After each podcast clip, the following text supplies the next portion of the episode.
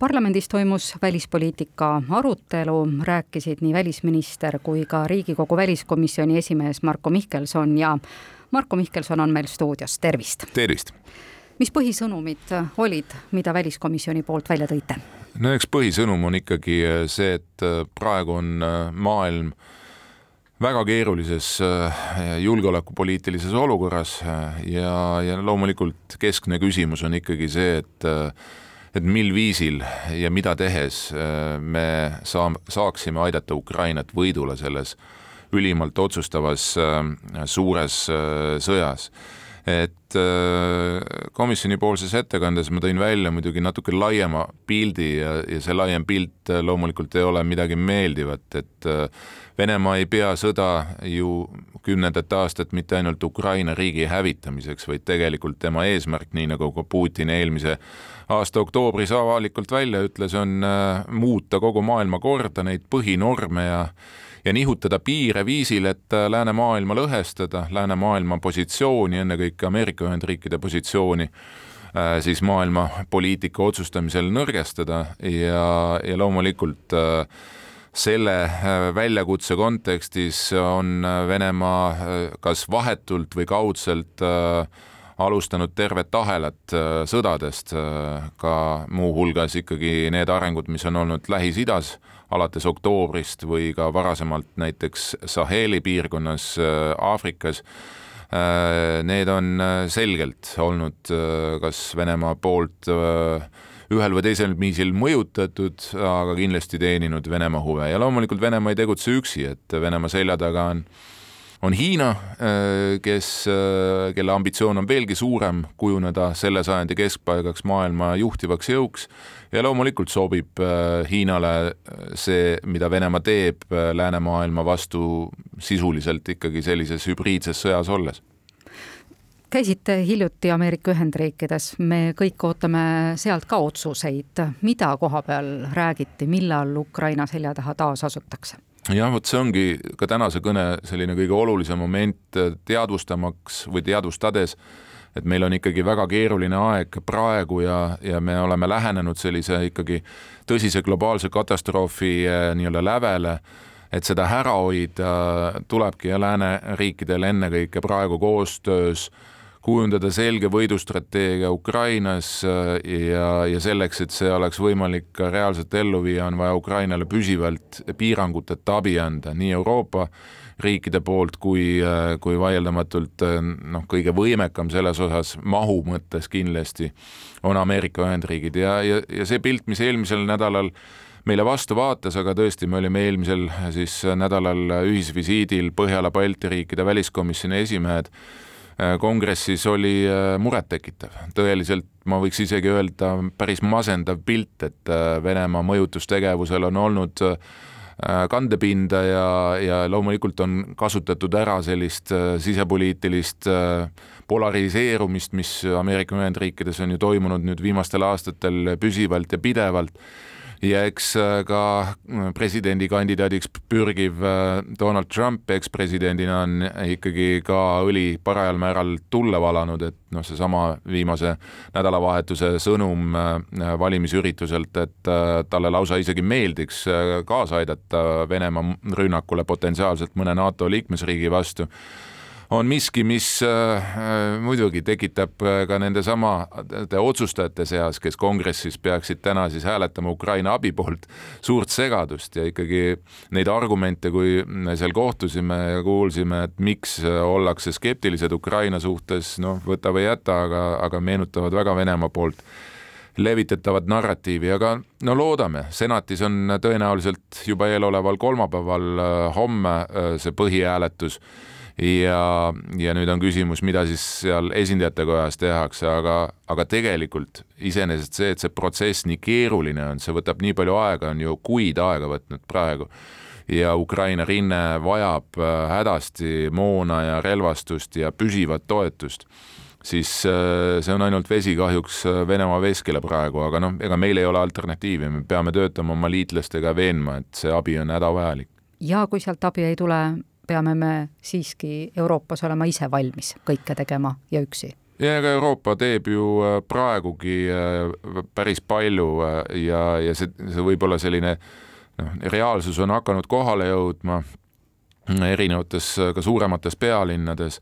aga vaieldamatult on tõsiasi ka see, et need investeeringud, mis me näiteks kaitsetööstusse praegu teeme, need reaalsed tulemid tulevad ju alles noh, miinimumkuude pärast, aga, aga paljudel juhtudel aastate pärast. ja, ja selles suhtes on ülimalt kriitiline, et, et me täna tajuksime, et kui Venemaal näiteks õnnestuks lõhestada Euroopa Liit ja, ja Euroopa liitlased ja Ameerika Ühendriigid, mis on nende strateegiline eesmärk, et nii-öelda juhtida Ameerika Ühendriigid Euroopa kontinendilt välja ja, ja tekitada olukord, kus kohas meil on näiteks liitlastel omavahel äh,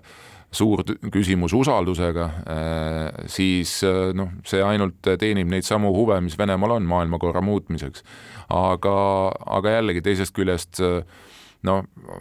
ka kongressis USA-s seal ikkagi on täna selge enamus ikkagi veel neid, kes selgelt Ukrainat toetavad. ainuke asi on jah, et mida päev lähemale presidendivalimistele, seda rohkem tuleb mängu sisepoliitika ja, ja seda kindlasti keerulisem on Ukrainat toetada. ehk me peame valmistuma reaalselt ka selleks, et Donald Trumpist saab Ameerika Ühendriikide järgmine president. me peaksime selleks olema valmis. ja no loomulikult me peame kõigeks valmis olema, et äh, nii selleks, et äh, liitlasruumis äh, pinged kasvavad ja, ja jällegi Venemaa töötab ju selle nimel, et meie ühiskonnad oleksid lõhestatud ja, ja haavatavad ja, ja me vaidleksime omavahel ja ei usaldaks teineteist, et see on üks nende eesmärke aga, aga noh, selge on see, et äh, noh, me ei tohi ka jällegi sellistesse spekulatsioonidesse liiga sügavale minna ja lasta hirmul nagu ennast valitseda, et äh, et noh, see on see reaalsus, tänase maailma reaalsus, kus liitlasriigid on, kaasa arvatud ka sisepoliitika Ühendriikides, aga ennekõike tuleb mis meie teha saame, äh, ka oma kodu korras hoida, investeerida kaitsesse, töötada oma lähimate liitlastega. väga positiivne Eesti jaoks on ju tegelikult see, et äh, siin Soome ja Rootsi liitumine NATO-ga on äh, oluliselt parandanud meie julgeolekukeskkonda ja, ja noh, lõppeks veel kord, et Ameerika Ühendriikidel on tõsi, ta on presidentaalne riik ja väga palju sõltub presidendist, aga meil on ikkagi Ühendriikides väga-väga palju sõpru, kes väga, ka Ühendriikide kongressis, kes kindlalt toetavad äh, nii-öelda NATO, äh, NATO-t ja, ja liitlassuhteid Euroopa riikidega. Te mainisite oma kõnes, ettekandes täna mitu korda ka Hiinat kui tähelepanelikud me peaksime olema ja mida kõige rohkem tähele panema, mis sealt tuleb? ja Hiina on, nagu ma siin juba ütlesin, tõesti võib-olla kõige suuremate ambitsioonidega. ta töötab talle omaselt selliselt pisut võib-olla teinekord varjus olles, aga noh, selge on see, et äh, ka see, milles Putin ja Xi Jinping äh, kokku leppisid kahe tuhande kahekümne teise aasta veebruaris ja võib-olla mõni aeg hiljem ka Moskvas, äh, siis kui Xi käis seal riigivisiidil, et äh, nad töötavad koos maailmakorra muutmise nimel. Ja selle eesmärgiks on äh, muuhulgas tõenäoliselt NATO tõrjumine, kui mitte lõhkumine, Ühendriikide positsioonide nõrgestamine. Ja Venemaa tegevus sellises avatud sõjalises konfliktis loomulikult on Hiinale sobilik ta teenib neid huvisid, äh, mis on Hiinal pikemaajalised, ehk saada selle sajandi keskpaigaks maailma äh, liidriks, liiderriigiks, siis äh, seetõttu noh, loomulikult jällegi, et kuna on sõdade ahel ja ei ole seotud ainult siis Ukrainaga, vaid need pinged võivad ju mm, olulisel määral kasvada ka näiteks Ida-Aasias, kui me mõtleme Korea poolsaare peale või Taiwan'i ümber toimuvat, toimuvale, siis äh, jällegi väga paljuski sellest, kuidas see maailm edasi liigub, äh, äh, sõltub siis sõja lõpptulemusest Ukrainas. täna vastates ühe riigikogulase küsimusele Te laususite, et Euroopa ei ole mitte väsinud Ukrainast, aga Euroopa on väsinud Viktor Orbanist. selle, sellega ma tegelikult äh, ei olnud, sellega ma ei olnud originaalne, et ma kordasin Poola peaministri Donald Tuski äh, sõnumit äh, hiljutisest Euroopa Ülemkogult, kui äh, noh, lõpuks leiti ikkagi ühismeel ja, ja otsustati Ukrainale anda viiskümmend miljardit toetusraha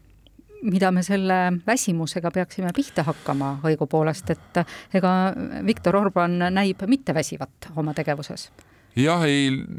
siin nii see paraku on ja, ja, ja nagu ma ütlesin, siis tõesti see liitlasruumis on äh, neid äh, selliseid üksikuid pingekoldeid mitmeid,